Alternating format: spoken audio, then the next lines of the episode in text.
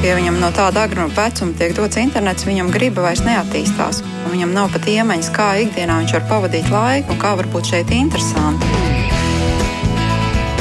Mēs tiekamies ģimenes studijā.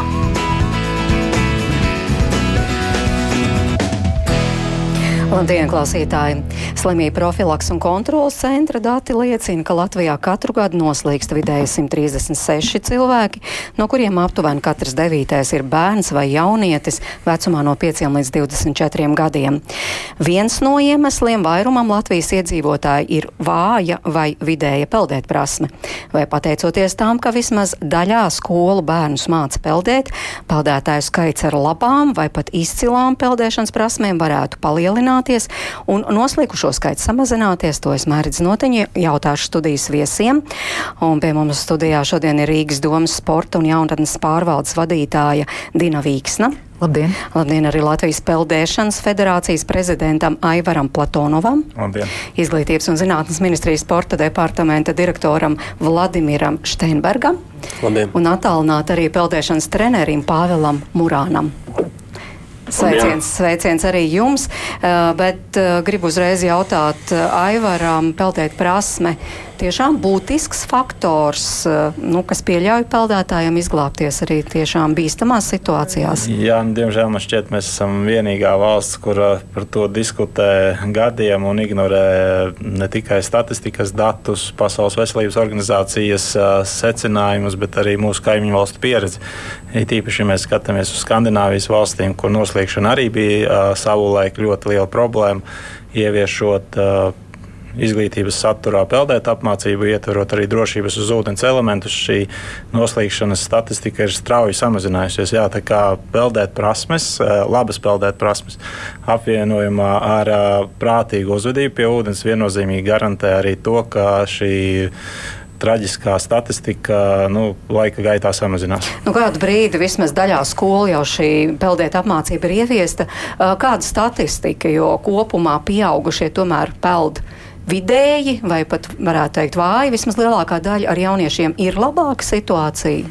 Prot, mēs, peldēt. Mēs 2019. gadā veicām pētījumu attiecībā uz bērnu peldēt prasmēm un gadu iepriekš uz pieaugušo peldēt prasmēm. Mēs redzam, ka jā, bērniem, jauniešiem šīs peldēt prasmes ir nedaudz labākā līmenī, bet mēs runājam apmēram par 0,5 Nu, es teiktu, tādas vidējas peldēt prasmes varētu būt trešdaļai Latvijas bērnu un jauniešu. Nu, 30-35% iedzīvotāji, kas ir ļoti zems skaitlis, ja mēs salīdzinām ar Skandināvijas valstīm, kur tas ir apmēram 75 līdz pat 90%. Nu, tās viduvējās, tās būtu tās minimālās, kas vispār būtu nepieciešamas. Jā, nu, teiks, tāds, jo te jāņem vērā, bērniem ir sarežģīti, jo tas ir pašvērtējums. Un bieži vien pašvērtējums ir krietni augstāks nekā reālās prasmes. Un, lai iegūtu objektu, objektīvu bildi vai teiksim, šo, šo pārliecību, ka teiksim, tās peldēt prasmes ir labas, tad, protams, mums būtu jāiet uz peldbaseinu un jālūdz, lai viņi nodemonstrē šīs prasmes. Bet jā, arī pašvērtējumā par ļoti labām prasmēm, nu, peldēt prasmēm, nu, teiksim, atbild tikai apmēram viena desmitā daļa. Tātad apmēram 10-12% jaunieši uzskata, ka viņiem ir ļoti labas peldēt prasmes. Treneru vērtējumā kādas ir tās labās, izcilās vai nu, vidējās peldēt, peldēt prasmes, ko jāmāk ir bērnam? Tas ir pirmā pamatlietiņa, ko varētu arī ārpus basēna atklātās ūdens tilpnēs iemācīties, ir noturēties uz ūdens, ja, un, tur, un, nu, un aizturēt telpu un izpūst burbuļus zem ūdens. Visu pārējo varētu iemācīties tikai basēnā un pedagoģa pavadībā tieši efektīva pārvietošanās ūdenī. Un, un, tas, un tas jau tur jau ir daudz, daudz dažādas lietas, kas būtu jāiemācās. Un, uh, vērtējums attiecīgi visas lietas varētu arī zemā un augstā līmenī mācīt izpildīt. Nu, tomēr, kas ir šīs lietas? Jūs varētu vēl paraksturot, ko trenera pavadībā ir jāiemācās, lai runātu vismaz par vidējām peldēt prasmēm. Tas minimums, ko vajadzētu katram zināt, mācīt, prast. Daudziem bērniem ir bail no, no seju nolaist zem ūdens. Tas arī viena, viena pamatlieta, ko aizturēt elpu un pūst burbuļu zem ūdens. Otra lieta ir gulēt uz muguras. Daudziem ir bail nolaist tausis zem ūdens. Tas ir jāiemācās. Un tad tālāk jau aiziet pati pārvietošanās ūdenī, un tur ir pats līdzsvars uz ūdens, tad, tad gulēšana uz ūdens, slīdē, slīdējums pa ūdens virspusi un pašas tās kustības ar rokām, ar kājām, kas, kas to padarītu to pārvietošanos ūdeni efektīvu. Un cik lielu distanci vajadzētu spēt nopeldēt bez apstāšanās, bez, bez dibena sasniegšanas un atpūšanās? Mēs tad runājam par to, ka cilvēks māca peldēt, tad, kad viņš māca nopeldēt 200 metrus, 50 metrus no tiem vismaz uz muguras, un tad pēc šiem 200 metriem izkāpt ārā uz basēna augstās malas bez palīdzības, bez trepītēm un nejusties pilnībā aizalsies un bez spēka. Kā Bet... tas cilvēks var peldēt. Un tas ir, tas ir attiecās gan pret bērnu 7 gadi, gan pret pensionāru 60 gadi, kurš teiktu, kuram tas arī būtu jau grūti.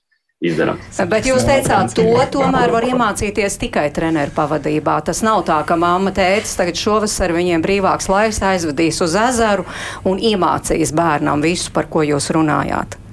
Jā, tieši tā, to, to atklātās ūdens tilpnēs, diemžēl, neiemācīsies. Un, uh, Un mamma un tētis, ja viņiem nav priekšzināšana par to, par to visu, tad uh, viņi nevarēs to iemācīt. Aivar, vēl kas te papildināms? Nu, principā, pareizi Pāvils minēja, tad šī peldēt prasmes definīcija ir ārkārtīgi svarīga. Jo, jo mēs, kā, kā bieži vien runājam, prot peldēt, neprot peldēt, mums, bet bieži vien katram ir sava izpratne, ko, kas tad apakšā slēpjas, un tāpēc ir svarīga šī definīcija. Mēs, kā Latvijas Peldēšanas federācija, Tomēr jā, vairāk runājam tieši par skandināvu izpratnē, arī peldēt prasmes definīciju. Tie ir tie minētie 200 metri, tā skaitā 50 metri uz muguras, plus vēl papildus, kā Pāvils minēja, spēja ielikt ūdenī, nirt, gulēt gan horizontāli, gan vertikāli, tas saucamais floatings, atrasties uz ūdens. Jo visas šīs prasmes ir arī ļoti svarīgas, ja nokļūst kādā nelaimē brīvdabas ūdens tilpē, nu, piemēram, apgāžoties laivai, ja mums jāspēj izpeldēt izolēt eh, no šīs eh, laivas apakšas vai nirt, vai varbūt tās gaidīt pēc palīdzības, lai mēs spējam tās 5-10 minūtes mierīgi gulēt eh, un sagaidīt šo palīdzību. Ja? Vai varbūt atpūsties, uzkrāt spēkus un tad pašu saviem spēkiem nokļūt krastā. Un tas tāds komplekss, šis saucās ūdens kompetence, kas ir 15 dažādi elementi, un tiem visiem 15 elementiem ir, nu, saka, jābūt mācību saturā un bērnam jāiemācās. Jā. Mhm. Tātad visiem šiem elementiem es vēlreiz atkārtoju, ko jūs teicāt, būtu jābūt mācību saturā. Un ar bērniem skolā, jūsuprāt, būtu šis viss jāiemāca. Tas ir tas, ko māca Skandinavijas valstīs, tas ir tas, ko mēs piedāvājam un aicinām mācīt. Un tas ir šis prasmu līmenis, kad mēs varam teikt, jā, bērns vai jaunietis ir iemācījies peldēt, un viņš var uh, justies un būt drošs, uh, atrodoties ūdenī. Vladimir? Izglītības un zinātnes ministrijas viedoklis tiešām ir arī jūsu dokumentos redzams, ka šīs ir prasmes, no kuras tomēr katram skolu beigušajam būtu jāiemācās. Jā, es tomēr aicinātu nevērtēt tik tieši korelāciju starp noslikušo skaitu un uh, peldprasmēm, jo, ja mēs skatāmies statistiku, pārliecinoši vairākums tie ir pieauguši un uh, vēl, vēl jau vairāk pārliecinoši vairākums ir pieauguši alkohola reibumā, bet tomēr es vairāk uh, aicinu pastīties uz to peldprasmi, kā ļoti būtisku, svarīgu sporta un veselību veicinošu veicinoša aktivitāte. Protams, kā arī uh, sporta departamentā nākamā gada budžeta svarīgākā prioritāte ir uh, papildus finansējums tieši peldprasmes apmācībai Un, uh, redzēsim, vai nākamā budžeta būs uh, izdosies iegūt to papildus finansējumu, bet aiz uh, skolotāju atalgojuma palielinājuma izglītības ministrijas nākamā prioritāte tieši ir uh, finansējums peld, peldu apmācībai. Bet tur jau ir arī apmēram skaidrs, nu labi, lielāks finansējums, bet ko, kā to izmantos? Šobrīd tā, tas finansējums kā, kā tāds atsevišķi nav. Tas ir jauns papildus finansējums, jo pārsvarā tā peldu apmācība ārpus skolas notiek uz pašvaldību finansējuma rēķina, pašvaldību labas gribas. Un, tieši šobrīd tā prioritāra ir tāda, ka caur ministriju šis pasākums kļūst nevis labas gribas izpausmes forma, bet obligāts pasākums. Nu, tad Rīgas domas tā ir labas gribas izpausme, ka jūsu vismaz rīdziniekiem nodrošināt kā pašvaldība Rīgas iedzīvotāju bērniem šo peldēt apmācību skolā. Uh, Jā, paldies par, par, par tavu repliku, Vladimir. Bet es gribētu teikt, ka šī, šis projekts, kas ir otro klašu bērnu peldēt apmācību Rīgā, ir jau vairāku desmit gadu garumā. Tās šobrīd ir 30 nodarbības gar, gada garumā, kur otrās klases bērniem tiek dotas šīs pirmās iemaņas. Protams, kā otro prioritāti mēs tur varam teikt, tā ir iemācīties peldēt, bet es uzskatu, ka kā pirmais mērķis, kas ir jāsasniedz, tā ir pareiza attieksme pret ūdeni. Tātad gan respektēt, nebaidīties un arī noturēties nu, uz ūdens, protams, bet, bet, bet šī pareizā attieksme nevis ar bravurību un pārdrošību, bet respektēt, vienlaikus nebaidoties. Jā, un, un es gribu teikt, to, ka problemātika nav īstenot šo peldētu apmācību gan stundu laikā, gan ārpus stundām, tad, ja pie skolas ir peldbaseins, bet ja peldbaseini ir uh, ļoti tālu no skolas, tad uh, ļoti liels uh, finansējuma apjoms uh, ir nepieciešams, lai nodrošinātu bērnu pārvadāšanu no skolas uz baseinu atpakaļ, lai nodrošinātu šīs pavadošās personas. Tad šie visi papildus izdevumi, kas ir nepieciešami projektā. Nu, jā, tad uh, apstājamies pie šīm divām lietām. Kā jūs teicāt, tas ir mācību saturs. Uh, ko tad ir jāiemāca šajās stundās, un vai ir visiem jānodrošina? Un, starp citu, ģimenes studija arī pirms šī raidījuma pajautāja gan Twitter lietotājiem, gan Facebook lietotājiem, nu, kāda ir viņu kā vecāku pieredze, uh, vai viņu bērniem šīs nodarbības ir, nav nodrošināts, vai ir, nav nu, iemācījušies peldēt. Un, lūk, protams, nepretendējam uz pētījumu, un tomēr un tāda ekspresa aptaujas rezultāti ir tādi, ka apmēram 60% atbildēja jā, mūsu bērni ir mācījušies peldēt, 40% apmēram saka, ka nē. Facebook tur tas rezultāts apmēram trešdaļa saka, ka nenodrošina. Es nezinu, vai varbūt um, Peldēšanas federācija ir arī skait, skatījusies kopumā, it kā Rīga nodrošina, bet Latvijā kopumā. Mēs, cik, cik daudz bērniem nodrošina vai nenodrošina? Mēs esam taisījuši aptauju, tā gan ir vēl pirms Covid veikta. Mūsu teiksim, forma bija tāda, ka mēs vērsāmies pie visām izglītības iestādēm, pašvaldībām, caur pašvaldību savienību un arī šādu jautājumu, vai viņu izglītības iestādās tiek nodrošināta peldēt apmācība. Un tad mums uh, toreiz atbildēja 28% no aptaujātām izglītības iestādēm, teica, ka viņām ir mācību satura ietvaros peldēt apmācību īstenot, tad 26% uh, izglītības iestāžu nodrošināja fakultatīvi, un vēl 21% teica, ka viņiem ir dažādi Eiropas sociālo fondu projektu ietvaros. Nu, tur bieži vien bija 8 vai 10 nodarbības gadā. Nu, tad tiksim, tā, mēs varētu teikt, ka 28% ir tās, kas ir mācību saturā, skolas, kas īsteno peldēt apmācību. Bet jā, Dina pareizi arī minēja, ka, protams, lielākais šis jautājums ir par peldbaseinu pieejamību. Taču, jāsaka, bieži vien mēs arī redzam situācijas, kad pašvaldībā pie skolas vai pat netālu no skolas ir uh, peldbaseins.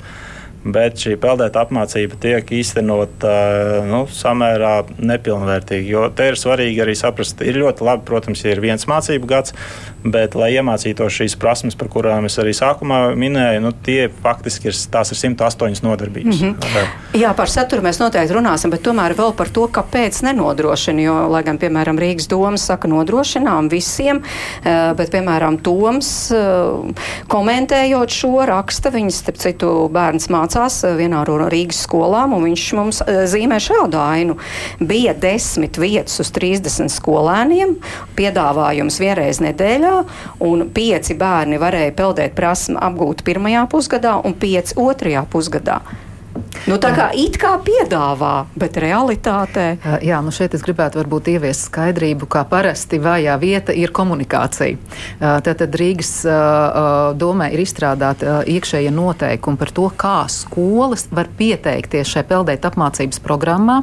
Un šie noteikumi paredz, ka skola vispirms izrunā ar vecākiem, ar pirmo klašu beidzēju bērnu vecākiem par to, kuri uh, un cik daudz gribētu nākošajā gadā uh, uzsākt šo, uh, dalību šajā peldēt apmācības programmā. Un tad skola pieņem lēmumu piedalīties vai nē. Un, ja um, vairā, vairums vecāku tomēr uzskata, ka, ka, ka nē, tad skola arī savu dalību nepiesakās. Nu, mm. Es varu pateikt, šī gada datus uz uh, nākošo mācību gadu dalību ir uh, pieteikusi 90 Rīgas skola, un kopumā tās ir 251 otrā klase, kur grib piedalīties. Nu, bet cik tad negrib?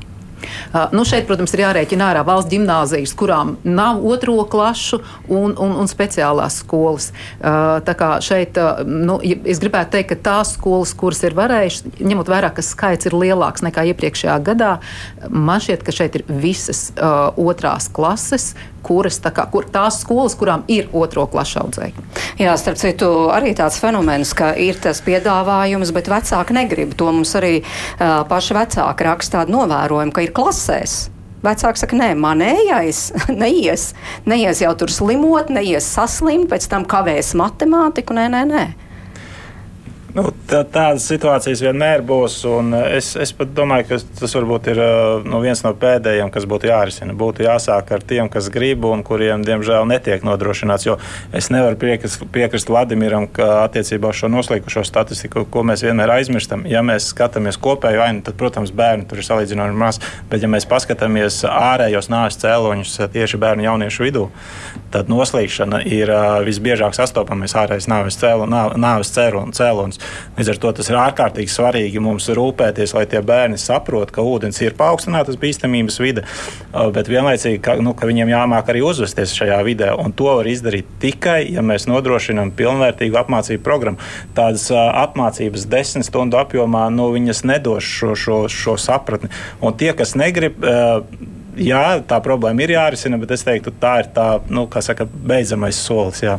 Mm -hmm, jā. Es gribēju vēl papildināt, ka līdzteku šai bērnu peldēt apmācībai, kas ir brīvprātīga, jā, nu, vismaz Rīgas pašvaldībā, un, domāju, daudzās citās pašvaldībās ir arī sporta skolas, kurās tiek īstenot profesionālās ievirzes programma peldēšanā. Tad kaut kāds īpatsvars audzēkņu jau tādā padziļinātā līmenī apgūst peldēšanu. Es domāju, ja bērns pirmajā klasē ir uzstādes mācības sporta skolā, nu, tad nebūtu liederīgi viņam viņam iet uz šo peldēt apmācību un sākt no nulles. Nu, bet kā mēs redzam, tomēr datus tas nav pietiekami. Tas um, procentuāli jauniešu skaits, kuru peld vismaz vidējā līmenī, nav pietiekams. Tātad runājam par tiem, kuriem ir uh, nodrošināta peldēšana, pieņemot, ka visos citos gadījumos, kad nav, ka tā ir tiešām objektīvā realitāte, ka nav baseina un tam līdzīgi. Tātad šeit izskanēja vismaz no Rīgas domas puses galvenais, ja labojiet man, ja es kļūdos, galvenais, lai uh, bērns iemācītos iemācītos droši uzvesties uz ūdens. Eh, eh, Pāvēl, jūs kā treneris tam piekrītat, domājot tieši par to apmācību, kas notiek skolās, tas būtu tas virs uzdevums. Jā, pavisam noteikti tas uh, viens no galvenajiem risinājumiem ir ieviest uh, to peldēt apmācību visā valstī. Eh, kā obligātu. Un šobrīd tā, tā peldēta apmācība notiek tā kā pašvaldības organizē savā iekšējā, savā, savā teritorijā tās eh, peldēta apmācības, bet ja tas būtu um, valsts lēmums un valsts finansējums, uh, cerams, ka tas būtu daudz efektīvāk. Un, bet, atkal, tu, bet tur atkal ir jautājums par baseinu trūkumu un pedagoģu trūkumu dažādās pašvaldībās. Nu, kā jūs raksturot to, ka mums atbildu vecāki bija nodrošināts, bet neko neiemācījās? Nu, vai varbūt, es nezinu, iemācījās tur mazliet par to ūdeni, varbūt nebaidīties no ūdens, bet neko vairāk? Um, tas jau būtu kā, mm, organizācijas uh, problēmas un, uh, un to pedagoģu. Bija arī pētījums par, par pedagoģu darbu un ka, ka, kāds bija viņu pašvērtējums un uh, par to, cik ir, kādas ir viņu zināšanas, zināšanas tieši peldēt apmācība, jo ir tāda viena liela problēma, kā, nu, kā tas pedagoģu trūkums un to peldēt apmācību veids pedagoģi, kuriem ir vienkārši sporta akadēmiska izglītība un viņi drīkst to darīt, bet viņi ir citu sporta veidu treneri un citus paši ir nodarbojušies ar citu sporta veidu. Un līdz ar to viņu tās zināšanas par peldēt apmācību ir zemas, un viņi jūtas e, nepārliecināti par savām spējām veikt šo darbu, bet viņi, bet viņi to dara, jo nav kas cits e, tajā skolā to varētu darīt. Plus vēl arī viena tā, tā organizācija, kad ir apmēram daudzās skolās ir tam novēlēta viena stunda, 40 minūtes, lai bērni pārģertos, nopeldētu nodarbību un atkal apģertos, nenokavētu nākamo stundu pēc matu žāvēšanas. Līdz ar to tas pati atrašanās ūdenī ir 15, labi, ja 20 minūtes. Un tas atkal, atkal tā uh, uh, peldēt apmācības kvalitāte arī ir zema. Nu, jā, tāds treneru viedoklis, starp citu, arī apkopoja apmēram, ko raksta mums aptaujas dalībnieki, un tur apmēram tāds viedoklis neiemācījās, jo nepietiekams stundu skaits, ko mēs dzirdējām arī no treneru. Bieža treneru maiņa un daudz nenotukušu nodarbību, ko mēs arī dzirdējām. Un, jā, un tad tiešām ir nu, tas novērojums, ka bērns neapmeklē, jo vecāki negrib. Jā, jā, jā es varētu papildināt. Nu, ir patiešām tā apmācības, jo šeit arī, kā es sākumā minēju, mums būtu jāveic monitorings, lai mēs pārliecinātos, vai bērni kaut ko iemācās. Nu, nevis kaut ko, bet lai viņi tās prasmes atbilst peldēt prasmes definīcijai. Un tad, kā Pāvils minēja, tad ir šīs problēmas. Viens ir uh, pedagoģu prasmes un uh, zināšanas šajā jomā, otrs, protams, ir šis uh, stundu apjoms. Uh, vai viņš ir pietiekams, jo bieži vien mēs redzam, ka viņš ir absolūti nepietiekams. Viens mācību gads tas vēl ir labi. Ir ļoti bieži vien, kad ir desmit vai astoņas nodarbības, tas ir viss, kas bērnam ir, un par to laiku nevar neko iemācīties. Un trešā lieta, ko mēs redzam arī tādā nu, valsts izglītības satura plānošanas līmenī, nu, piemēram, skola 20, 30, man ir atvērts, es varu nolasīt. Tātad beidzot sesto klasi sasniedzamais rezultāts peldēšanā. Peld brīvā stilā un izpilda lēcienus ūdenī no baseina malas solis, saglabājot vertikālu stāvokli. Tā ir viena uh, prasme, kas būtu jāiegūst, un otra - nirst tālumā atbilstoši savām spējām, izpildot zem ūdens patvaļīgas kustības ar rokām un kājām, virzoties uz priekšu. Nu, tad, uh, ko tas īsti nozīmē? Tas, nu, ka bērni iemet baseinā vai, vai ezerā dīķī, un viņš tur uh, vicinās ar rokām, kājām, jo grib tikt ārā. Un to mēs uzskatām par prasmi beidzot 6. klasi. Un uh, tad beidzot 12. klasi ir uh, parādās, uh, tātad, nu, ka spēja nopeldēt brīvā stilā 100 metru distanci un uz muguras 50 metru distanci. Tad uh, mēs jau pēc satura definējam, ka nu, šī prasme spēja nopeldēt kaut vai 100 metrus, vienalga kādā veidā, ne uz ātrumu, bet vispār uh, ir sasniedzama tikai beidzot 12 klasi, nu, vidusskolā. Ja? Nu, tas ir absolūti absurdi. Tam bērnam īstenībā jau nu, vēlākais, uh, sestajā klasē, būtu jāspēj nopeldēt tos 200 metrus. Ne jau, mēs nerunājam par sporta peldēšanu, mēs nerunājam par ātrumu vai par tehnisku pareizu izpildību. Mēs runājam par šo spēju pārvietoties ūdenī, justies droši un arī saglabāt. Uh, šo, šo spēku, enerģiju izkāpt ārā no ūdens. Bet, ja mēs jau, saka, pat dokumentos pa, paredzam, ka viņam nekas tāds nav jāiemācās, tad arī mācību saturā neviens īpaši nekoncentrējās uz kaut kādiem sasniedzamiem rezultātiem, kas atbilst uz šai peldētprasmes definīcijai. Nu, vēl jau vairāk, ka tātad šī peldēt apmācība tiek nodrošināta otrajā klasē, tāpēc grūti saprast, kā varētu būt tas lēciens, ka sestajā klasē nemāka vai de desmitā, piemēram, Jā, tur nu, jau peld. Mūsu skatījumā tas jēdzīgākais un saprātīgākais saprātīgākais variants, kā īstenot šo peldēt apmācību, būtu divus gadus pēc kārtas tādā intensīvā apjomā, vai trīs gadus pa vienai nodarbībai nedēļā. Tātad kopā 108 nodarbības. Un tas vecuma posms īstenībā, jo agrāk, jo labāk. Šobrīd pat uh, Skandināvijas valstīs pāriet uz to, ka sāk šo pirmo mācību gadu sāk pirmsskolā. Tātad pirmsskola, pirmā, otrā klase, nu varbūt tās pirmā, otrā, trešā klase, bet absolūti uh, sestā, septītā, astotā tas ir krietni par vēlu. Tad jau tie, kas grib nodarboties ar sporta peldēšanu, lai viņi iet. Bet bērnam tās prasmes ir jāmiem, jāiemāca faktiski uzreiz pēc tam, kad viņš ir iemācījies braukt ar riteni vai staigāt. Ja? Mm -hmm. un, un tā, pusauģu vecumā jau ir citas intereses, citas problēmas, ir gari mati, make-ups un, un, un kaut kādas pubertātes lietas, varbūt tās, kas traucē. Tad arī ir papildus arguments, kāpēc mēs negribam iet uz to peldēšanu. Tā kā šeit būtu nu, vispār jākoncentrējās uz pirmo, otro, trešo klasi, un pēc tam, kas grib, lai iet un nodarbojās sporta skolās ar sporta peldēšanu. Jā, nu te tāds labs, labs, laba lieta, ko mums minēja vecāki arī šajā aptaujā, ka ir pirmskolas izglītības iestādes, starp citu, kas nodrošina uh, peldēt apmācību, un bērni pat iemācās. Bet nu, tā ir acīm redzot tā dārziņa iniciatīva, viņi to īsteno ar labiem rezultātiem. Izglītības un zinātnes ministrija Vladimir varbūt pakomentēsit, te tikko dzirdējām, tātad skola 2030 nostādnes, ko tad būtu jāmāk. Uh, Es domāju, ka ne tikai par peldēšanu tur būtu daudz kas būtu uzlabojams tajās nostādnēs, bet nu, absolūti skaidrs, ka mēs pie katras skolas nevarēsim nodrošināt un uzturēt peldbaseinu. Un, tā lieta centralizēt, mēs kaut vai tagad diskusijas ietvaros esam saskarušies ar vairākām problēmām, tā skaitā ar pedagoģu kvalifikāciju un pedagoģu trūkumu, lai izpildītu to, ko mēs vēlētos izpildīt, lai katrs bērns iegūtu peld, pamat peldprasmes. Bet toties mums ir veselības veicināšanas projekti katra pašvaldība pašvaldība, kur tajā skaitā peldu apmācība ir iekļauta. Ir profivirzes 2000 bērnu Latvijā nodarbojas ar peldēšanu, ir interešu izglītība, kur 6000 bērnu nodarbojas ar peldēšanu. Todies, nu, tā situācija nav, nav tik slikta, nevajag dramatizēt. Protams, ir pakāpeniski jāstrādā, un viens no tiem jautājumiem, viens no tiem uzdevumiem, ko arī tā skaitā, kas jau pieminēja, izglītības ministrija iekļāva prioritātes, tos centralizēt peldu apmācību, nu, pakāpeniski strādājot mēs uzlabosim, uzlabosim šo situāciju. Jā, bet varbūt vispirms tad ir jāmaina tie tomēr tajās nostot, nostādnes dokumentos, lai arī šie pedagoģi, kas strādā, lai redzētu, pēc kā tiekties, kādi ir tie sasniedzamie rezultāti.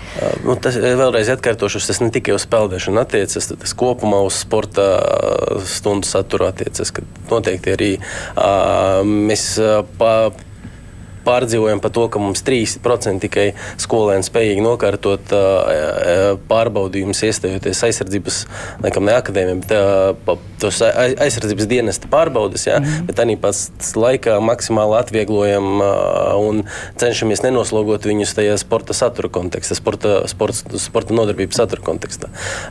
Tur, zinām, pretruna, tad mēs vai nu neprasam no viņiem neko un nebrīnamies par to, ka viņi nespēja nokārtot normatīvus, bet tad, vai tad tomēr prasam un viņi no, spēj nokārtot tos normatīvus, ņemot vērā šī brīža situāciju un uzsvaru uz aizsardzību, uz uh, cilvēku veselību. Nu, tomēr tiešām varbūt jāpārskata, jāpārskata tas prasības. Par to arī ģimenes studija pirms kāda laika tiešām skolāniem ir ārkārtīgi vāja fiziskā sagatavotība, un tiešām par to liecina gan uh, tie jaunieši, kuri grib iestāties valsts aizsardzības dienestā, gan arī policijas akadēmijā un tam līdzīgi. Kaut arī uh, šie kritēriji tiek atvieglot un atvieglot, tomēr ļoti liela daļa nespēj tos izpildīt izpildīt. Jā. Vēl kāda piebilde? Pa, pa, pa, īsa replika, kad uh, parasti sporta ir tā, ka uh, uh, komanda ir tik spēcīga, cik, ir, cik spēcīgs tas komandas vajākais spēlētājs. Tad šajā ziņā mēs uh, pazeminot tas prasības, pazeminam arī kopējo līmeni attiecībā uz sporta, sporta un fizisko veselību. Bet atgriežamies pie peldēt apmācības. Jā. Tas tomēr ir galvenais mūsu šīs dienas sarunas temats.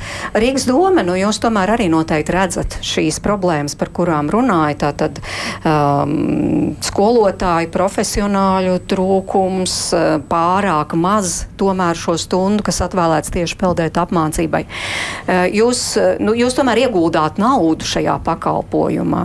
Varbūt jums ir arī kādas idejas, kā to varētu uzlabot. Jā, un tas finansējums nav mazs. Un, un, un, un tās, kā es minēju, tās ir 30 nodarbības otru, otro klašu audzēkņiem gada laikā un 40 minūšu nodarbības. Līdz ar to ir tas mans nākamais komentārs, kurus arī gribu teikt, izteikt neviltot prieku par to, ko minēja Vladimirs, par to, ka ministrija šo ir nodefinējusi kā prioritāti, un es ceru, ka tā būs arī finanšu prioritāte. Uh, un, un, un vienlaikus skatoties, kā to labāk īstenot, manuprāt, nevajadzētu fokusēties uh, tikai uz sporta stundām, bet arī uz interešu izglītību. Jo, ja sporta, peldēt apmācību sporta stundā, tas izcili ir īstenojams tad, ja pie skolas ir peldbaseins. Bet, ja peldbaseins ir tālāk, ja ar viņu ir jāpārvietojas vai ar sabiedrisko transportu, vai ar īrētu transportu. Tas ir vismaz divas, vismaz divas stundas. Ja, nu, diez, diez vai mācību stundu laikā to varēs uh, izdarīt. Līdz ar to to varētu darīt interešu izglītībā. Un, un, ja ministrija plānos nākamā gadā šīs, šo arī kā budžeta prioritāti, tad lūgums tiešām padomāt, lai tas būtu nevis tikai sporta stundām, bet arī citām, uh, citiem nodarbību veidiem un tām izdevuma pozīcijām, kas būtu teiksim, arī transporta nodrošināšanai, kas būtu ļoti svarīgi pašvaldībām, uh, uh, treneru atlīdzībai. Uh, Un, un, un, protams, nu, Rīga arī ņemot vērā, ka šo peldbaseinu trūkst, mēs iepērkam. Un līdz ar to es domāju, ka mēs būtu ārkārtīgi pateicīgi, ja būtu uh, uh, resurss, no kura pašvaldība varētu būvēt peldbaseinus. Jo līdz šim šis valsts atbalsts infrastruktūrai tika veidots no tāda geogrāfiskā skatu punkta, lai būtu pārklājums visai valstī. Bet, ja mēs uzliekam kā prioritāti cilvēku un skatāmies pēc cilvēku blīvuma kaut vai uz vienu kvadrātmetru, jā, nu tad mums šīs infrastruktūras trūks tur, kur šie cilvēki ir koncentrēti. Nu, šajā brīdī arī, kad nu, mēs zinām, kādas ir būvniecības izmaksas, kādas ir komunālo pakalpojumu izmaksas un vispārējais. Uh, jā, bet nu, jebkurā gadījumā, ja mēs skatāmies uh, uh, par infrastruktūras pieejamību, tad Rīgā šie skaitļi ir vienkārši katastrofāli. Cik uz vienu sporta infrastruktūru ir cilvēku? Varat nosaukt, varat nosaukt šo skaitļus? Uh, nu, mums bija pirms apmēram uh, pieciem gadiem uh, šāds pētījums, un tad Rīgas plānošanas reģionā mums iznāca, ka uz uh, vienu uh, kvadrātmetru ir gandrīz uh, sporta infrastruktūra infrastruktūras ir gandrīz desmit iedzīvotāji. Es atgādinu mūsu klausītājiem, ja es, es sapratu, te uzreiz. Pa, jā, jūs tūlīt varēsiet pakomentēt. Es vienkārši atgādināšu, kas pie mums šodien studijā, par ko mēs runājam. Tātad Latvijas Peldēšanas federācijas prezidents Aivars Platonovs, Izglītības un zinātnes ministrijas sporta departamenta direktors Vladimirs Steinbergs, Rīgas domas sporta un jaunatnes pārvaldes vadītāja Dina Vīgsna un peldēšanas treneris Pāvils, Pāvils Murāns. Un mēs tātad runājām par peldēt apmācību bērniem un cik svarīga tā tomēr ir, cik svarīgi ir to nodrošināt, jo, nu, diemžēl, Latvija jau daudzus gadus ir pirmajā vietā Eiropā noslīkušo skaita ziņā, un kā mēs dzirdējām, tomēr tā peldēt prasme vai neprasme ir ļoti būtisks faktors. Jā, Vladimir, jūs gribējāt pat, pat pakomentēt. Man, to, man jā. tomēr bija prieks četrus gadus vadīt uh, Olimpisko centru, un uh, mans komentārs būtu sekojuši, ka baseins ir uh, uzturēšanas izmaksu kontekstā viens no ietilpīgākajiem pasākumiem, bet tāpat laikā arī ieņemumu ziņā Olimpiskajā centrā, ko es vadīju, tas tie, tie bija vismaz 50% no ieņēmumiem. Tāpēc šajā ziņā, te, manuprāt, vairāk jāst, varētu strādāt ar privātajiem tieši to cilvēku koncentrācijas vietās, kur, kur tas baseins varētu būt arī kā komerc pasākums. Un it īpaši ņemot vērā Rīgas pašvaldības vai citu pašvaldību finansiālu iesaistītu bērnu apmācību, tie, tie, tas, tie baseini varētu būt komerc pasākums un uz komerces bāzes varētu attīstīties. Pāvēl, jūs kā treneru viedoklis, jo šeit ieskanējās arī no Rīgas domas puses, tātad kā interešu izglītību vajadzētu arī palielināt peldēt apmācību, bet tas ir komerc pasākums. Diemžēl. Tas nozīmē, ka varbūt arī valstī būtu savā ziņā jāpalīdz, jāfinansē, lai tas būtu pēc iespējas lētāks. Kā jūs uz to skatāties? Protams, pavisam noteikti uh, uzreiz tas finansiālais faktors, ka ne visi var to atļauties, un, uh, un tad sanāk, ne visi bērni tiks uz to peldēt apmācību. Bet uh, apmeklēt baseinu. Tas komerciāli, tas, tas izmaksā ļoti daudz vecākiem. Baseins maksā cik, cik, cik, cik maksā, un ir treneru atalgojums, un tad uh, nodarbības, uh, kas komerces grupiņās izmaksā ļoti daudz. Ja tā ir interešu izglītība, tas ļoti atvieglo um, to finansiālo slogu, un tad treneri var to samazināt, uh, samazināt maksu, cik, cik būtu jāmaksā tiem, tiem vecākiem. Bet, diemžēl, Tā kā, lai pilnībā bez maksas, interešu izglītība priekš vecākiem, es pat nezinu, varbūt kaut kur arī ir, bet, bet es neesmu dzirdējis tādu gadījumu. Tāpēc es nu, pavisam noteikti varu pateikt, ka tas ir apmeklēt peldēt apmācības nodarbības ārpus skolas, izmaksā vecākiem. Mm -hmm. vai, tās, vai tās izmaksas ir augušas pēdējos gados, ņemot vērā vispār visu, visu dārdzības, dzīves dārdzības paaugstināšanos? Jā, kopumā tas, tas, tas uh, man, uh, cik es varu novērot katru gadu, to padrusku pieaug tās izmaksas. Jā, nu, diemžēl mazliet eh, jā, mums ir grūtības dzirdēt, bet es domāju, viss saprat. Jā, es tomēr gribēju Dina pakomentēt, vēl kā jūs domājat par to interešu izglītību, kad arī to daļai finansē valsts, nu, piemēram, nofinansējot jā. to sadārdzinājumu daļu, jā. nu, piemēram. Jā, šobrīd, teiksim, tiek palielināta vēl pašvaldībām tās uh, dotācija, uh, interešu izglītības mērķa dotācija pašvaldības pedagoģu darba samaksai, jā, uh, iezīmējot kaut kādus tieši sporta programmām. To tostarp peldēt apmācībai. Jā, es domāju, vismaz tajās iestādēs, kurās ir peldbaseini, šā, šīs iestādes viennozīmīgi mums varētu sniegt šo interešu izglītības pakalpojumu. Uh, uh, iespējams, ka pat bez atlīdzības, jo trenera atlīdzību nosaktu no uh, šīs mērķdotācijas uh, un baseina uzturēšanas izmaksas sedz pašvaldību. Aivar. Jā, mēs kā Peldēšanas federācija īstenībā ļoti proaktīvi strādājām, lai vispār šis jautājums tiktu iekļauts valsts politikas plānošanas dokumentos un sporta politikas pamatnostādnēs. Šis punkts ir ielikts arī ar finansējumu aprēķinu. Un tad, kad mēs gājām ar šo vispār iniciatīvu, un, protams, mums viņa bija arī jāpamato un jāpiedāvā tas redzējums. Šobrīd ministrijas, nu, šajos ministru kabineta apstiprinātajos plānošanas dokumentos paredzēts 3,10 eiro līdzfinansējums uz vienu izglītojumu, uz vienu nodarbību, tad, tad tas mūsu redzējums kā federācijas ir, ka šim līdzfinansējumam viennozīmīgi jāiet kā papildus atbalstam tām pašvaldībām, kas ir ieinteresētas īstenot šo peldētu apmācības programmu. Bet šeit, mūsuprāt, būtu ārkārtīgi svarīgi, ka tas viss tiek darīts pēc vienotas programmas, pēc vienotas metodikas un ar konkrētiem, ar, nu, teiksim, tādu, ar ļoti caurspīdīgu, caurskatāmu monitoringu, lai mēs visi esam droši, ka šis ieguldījums no valsts puses ir papildus ieguldījums tām pašvaldībām, kas ieguldās arī no savas puses, kā Rīgas pašvaldība, piemēram, vai citas. Tad viņas saliek kopā šo pašvaldības finansējumu, valsts finansējumu, saņem iedzīvotājs. Bet ir ārkārtīgi svarīgi, lai pēc šī mācību gada bērns ir iemācījies konkrētas lietas, pēc otrā mācību gada viņš ir iemācījies jau nākamās lietas, un programmas beigās beigās viņš ir ja, apgūlis šo peldēt prasmes uh, definīciju. Ja viņš spēja demonstrēt savu peldēt prasmu, tā tālāk.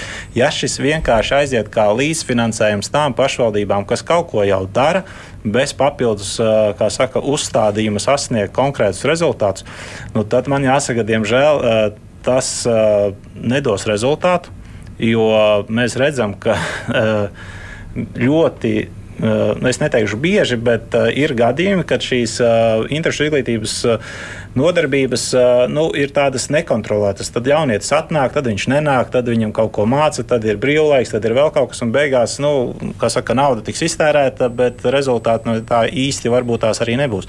Tāpēc šeit ir jābūt ļoti, un manuprāt, tas arī valsts pusē būtu svarīgi, ka viņi zina, par ko viņi maksā, un viņi sagaida pretī konkrētu rezultātu. Bet tas ir tas jūsu federācijas izstrādātais plāns, par ko jūs stāstat, tas būtu? Nu, mums vai ir, mēs esam izstrādājuši savu programmu, kur kopā ar biedrību peldēt droši, tad, tad, kuru, protams, tad, nezinu, valsts izglītības satura centrs vai vienalga kādā formātā viņa varētu saska, tikt saskaņot, papildināt.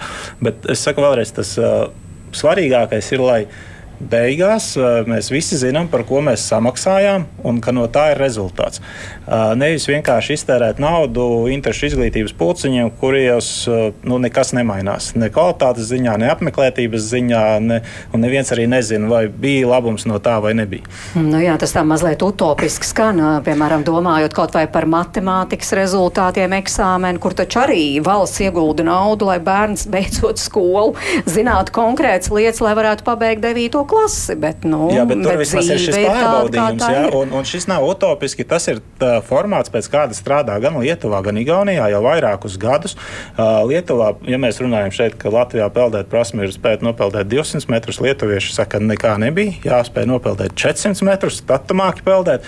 Bet uh, tur tātad ir šis valsts līdzfinansējums, viņš iet uz pašvaldībām. Federācija absolūti uz to nepretendē, uh, bet uh, ir svarīgi, lai mēs visi zinām, ka no tā ir uh, progress ka šīs peldēt prasmes pieaug. Jo, teiksim, Skandināvijā reizes piecos gados uh, monitorē, kāds šis peldēt prasmes līmenis.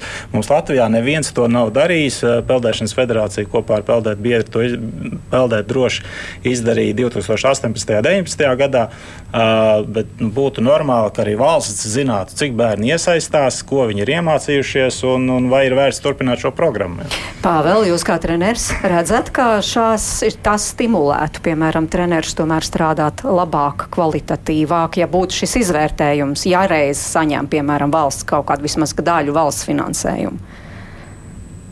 Nu, ja būtu izvērtējums, tad uh, pavisam noteikti būtu skaidra situācija un uh, varētu arī piesaistīt uh, finansējumu. Būtu labi piesaistīt finansējumu arī treneru izglītībai un treneru tālāk izglītībai. Un, jo arī tā, par ko minēja Aivars, biedrībā peldēt droši, arī esmu es iesaistīts, un mēs nodarbojamies ar, ar, ar pedagogu tālāk izglītību, un tieši peldēt, peldēt apmācībā.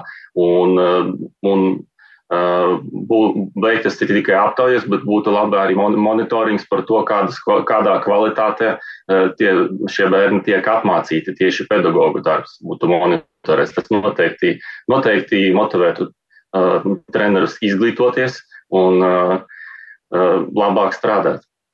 Nu, cerēsim, ka tā arī notiks. Vai citas iespējas jūs arī redzat? Un, nu, tomēr šobrīd ir vasara, ir arī, piemēram, tādas sporta nometnes, kur var um, vest bērnus, lai viņi tā kā vismaz apgūtu kaut kādas pirmās peldēt prasmes. Cik tas ir būtiski?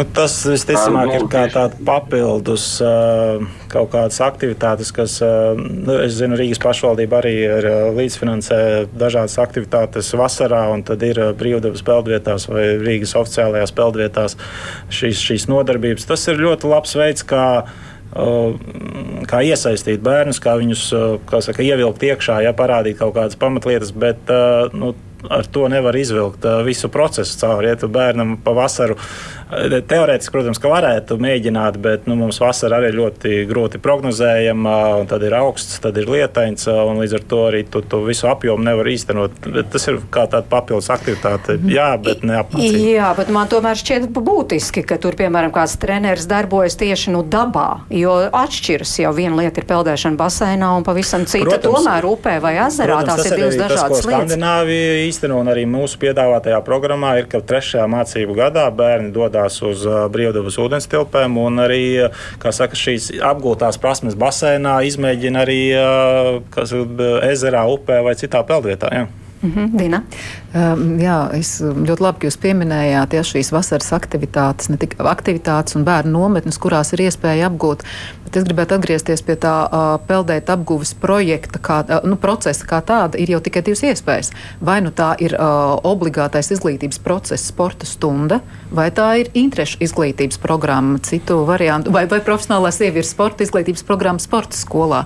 Uh, bet par, runājot par interešu izglītības programmām, es domāju, ka šeit Uh, bija ļoti laba pieredze, ka mēs veidojam šo savu 30 stundu programmu sadarbībā ar uh, Latvijas Peldēšanas federāciju. Es domāju, ka Peldēšanas federācija uh, kopā ar biedrību izveid, varētu izveidot šādu programmas, interešu izglītības programmas paraugu uz kā bāzes tad uh, izglītības iestādes varētu šo programmu īstenot. Un vai nu tad uh, iestādes skatās, vai nu viņa ir gatava, viņai ir resursi un nepieciešamais, lai šo programmu īstenot, vai nav, tad viņa ir tiesīga saņemt šo finansējumu programmas īstenošanai. Ja nē, nu tad Mm -hmm.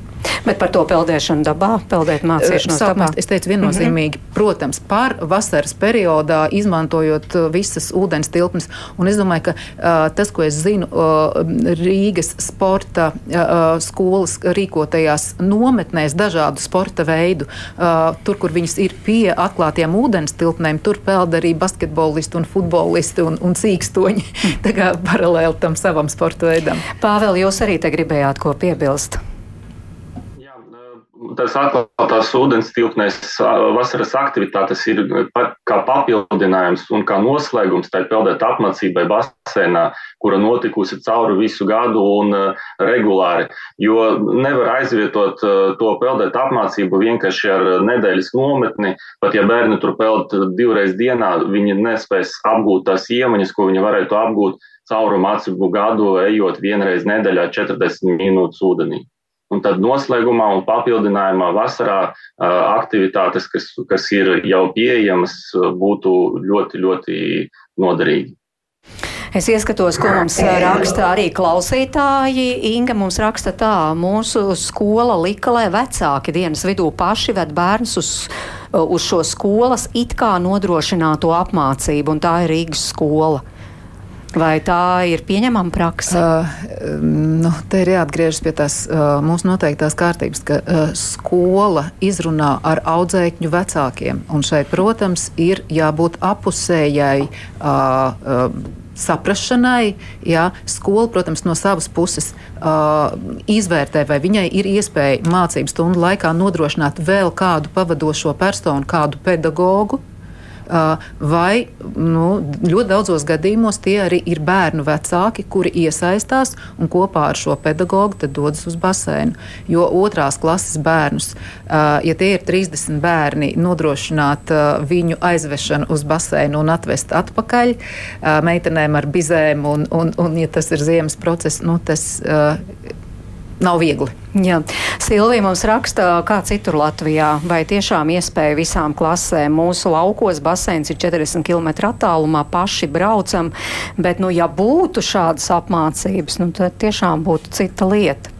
Vai arī, piemēram, Mārtiņš Valmierā līdz trešajai klasei, bet divus covid gadus nekas nenotika. Rezultātā jātiek galā vecākiem pašiem. Uh, Tagad uh, mācās lidot, kā Mārtiņš raksta, klauni tādi, uh, peldēšana aizstājuši ar slidošanu, bet uh, par Covid gadiem tiešām tātad šie bērni nemācījās, un tad viss tas laiks ir pagājis, un to vairs nevar atkārtot, piemēram, 4. vai 5. klasē, kā īsti ir. Jā, nu, es varu teikt par Rīgu. Mēs tiešām analizējām un, un meklējām iespējas, un, diemžēl, uh, atdūrāmies pret uh, infrastruktūras jautājumu, pret personāla resursu jautājumu. Un, jā, diemžēl Covid izdarīja savas sekas. Tad arī, piemēram, Elīna konstatē, ka mamma nav iespējams 30 nodarbību laikā nodrošināt peldēšanu, un ja netiek iemācīts, tad tas aiziet zudumā. Tad Normons raksta, vai tiešām mēs nevaram pārņemt somu piemēru, cik bērniem ir jānoslīgs, lai to saprastu. Un ja klasē 30 bērni, viņi sadalīja divās grupās, nodarbību skaits gadu laikā samazinās uz pusi, bērni gal galā slimo, un čiks vien no tās peldēšanas iznāk. Nu, jā, un vēl Annas pieredzes skola bērnam nodrošināja peldēšanu, bet bija jābrauc pašiem uz basēnu, jo skolā nav basēns. Basēna nodarbības sākās 15.30 piekdienās. No klases apmeklēja labi, ja trīs bērni, jo nevarēja bērnus vecāki izvadāt, un tas ir Rīgā. Un mans bērns apmeklē ķīpsals peldbasēnu, bet nu padārgi. Jo, jo jāiet divas reizes nedēļā, nu vismaz māma raksta 88 eiro, gribētu, lai valsts līdzfinansētu varētu peldēt prasmes apmācību, un es kā vecāks varētu izvēlēties, uz kādu basēnu varētu aizvest bērnu. Bet, ja drīkst, nu, ņemot vērā, ka tā ir Rīgas pašvaldības iedzīvotājs, kas to raksta, es tiešām gribētu tad, aicināt tos vecākus, kuriem tiek dota šī informācija pašiem vest o, o, savus bērnus, nu, informēt, nu, tad mēs varam no savas puses o, pārunāt, kur tu, tur ir šis, o, šī, šī kļūme tai komunikācijā, jo, jo, jo būtībā šo pakalpojumu nodrošina izglītības iestāde, organizējot šo procesu kopā ar vecākiem. Un es, es gribēju teikt, ka daudzas no šīm problēmām, ko jūs nolasījāt, nu, ir risināmas. Uh, vēlreiz, nu, mums nav jārunā par obligātu peldēt apmācību visā valsts līmenī. Ir svarīgi, lai izglītības ministrija vai valdība kopumā šobrīd ļoti labi, jā, ir prioritāte numur divi. Lieliski, bet tad, lai šis finansējums iet līdzi arī pašvaldību finansējumam kopīgi tiek nospraust kaut kāds mērķis, kas mums ir jāsasniedz un, un pie tā tiek strādāts. Jo visu laiku var atrast kaut kādus attaisnojumus vai problēmas, ko mēs nevaram izdarīt. Arī Lietuvā, Igaunijā un Somijā nav diži vairāk peldbaseinu kā Latvijā, ja mēs rēķinām uz 100 tūkstošiem iedzīvotāju. Visur ir vienādas problēmas. Un arī noslēguši statistikā kā visur visvairāk noslīgst pieaugušie vīrieši alkohola reibumā, gan Somijā, gan Latvijā. Tikai statistiski šis uz 100 tūkstošiem ir desmit reizes mazāks skaitlis nekā Latvijā. Tā, tā problēma ir tajā, ka mums nav šī, vismaz līdz šim nav bijis šis valstiskais redzējums, ka tā, tā lieta ir jārisina caur peldētu apmācību, un ka valsts nav, kā saka, neliek gan savu finansējumu, gan savu arī kaut kādu prasību par kvalitāti. Ja to visu saliks, pašvaldības būs ieinteresētas, bērnu vecākiem būs mazāk galvas sāpju, atradīs arī laiku, kad to izdarīt. Nevajag darba dienas vidū to darīt. Iespējams, sākam ātrāk, pirmajā klasē vai pirmsskolā. To visu var atrisināt. Ministrija, jums galvārds, tomēr kā jūs skatoties es... uz šo, jūs redzat, ka ir tomēr mūsu valstī tas redzējums, nu reku nauda jau iespējams tiks iedota. Kādi būs tie tālākie soļi, kā jūs redzat, lai sakārtot un, un lai nevis turpinātos gadu gadiem šīs sarunas, kuras atklāt sakot atkārtojas un atkārtojas un atkārtojas, bet tiešām reāli arī kaut kas mainītos? Kā mēs dzirdējām, pirmais solis jau spērts attiecībā uz, uz, uz prioritāru, prioritāru pasākumu noteikšanu. Uh, Es piekrītu, ka tas ir kopīgais darbs, arī tā ieskaita federācijas darbs, kurai būtu jānodrošina, jā, jāpiedalās to kvalitatīvo pedagoģu nodrošināšanā. Ministrija noteikti sadarbojoties ar pašvaldību, es ļoti ceru, ar pašvaldībām, es ļoti ceru, ceru, ka mēs nākotnē varēsim izveidot mehānismu, kas dotu rezultātus jau dažu gadu, dažu gadu griezumā. Paldies, cerēsim uz to labāko. Paldies sarunas dalībniekiem Dinai Vīksnai, Aivaram Platonovam, Vladimiram Steinbergam un Pāvelam Urānam. Tiešām paldies, ka atradāt laiku. Atnācāt šeit uz studiju.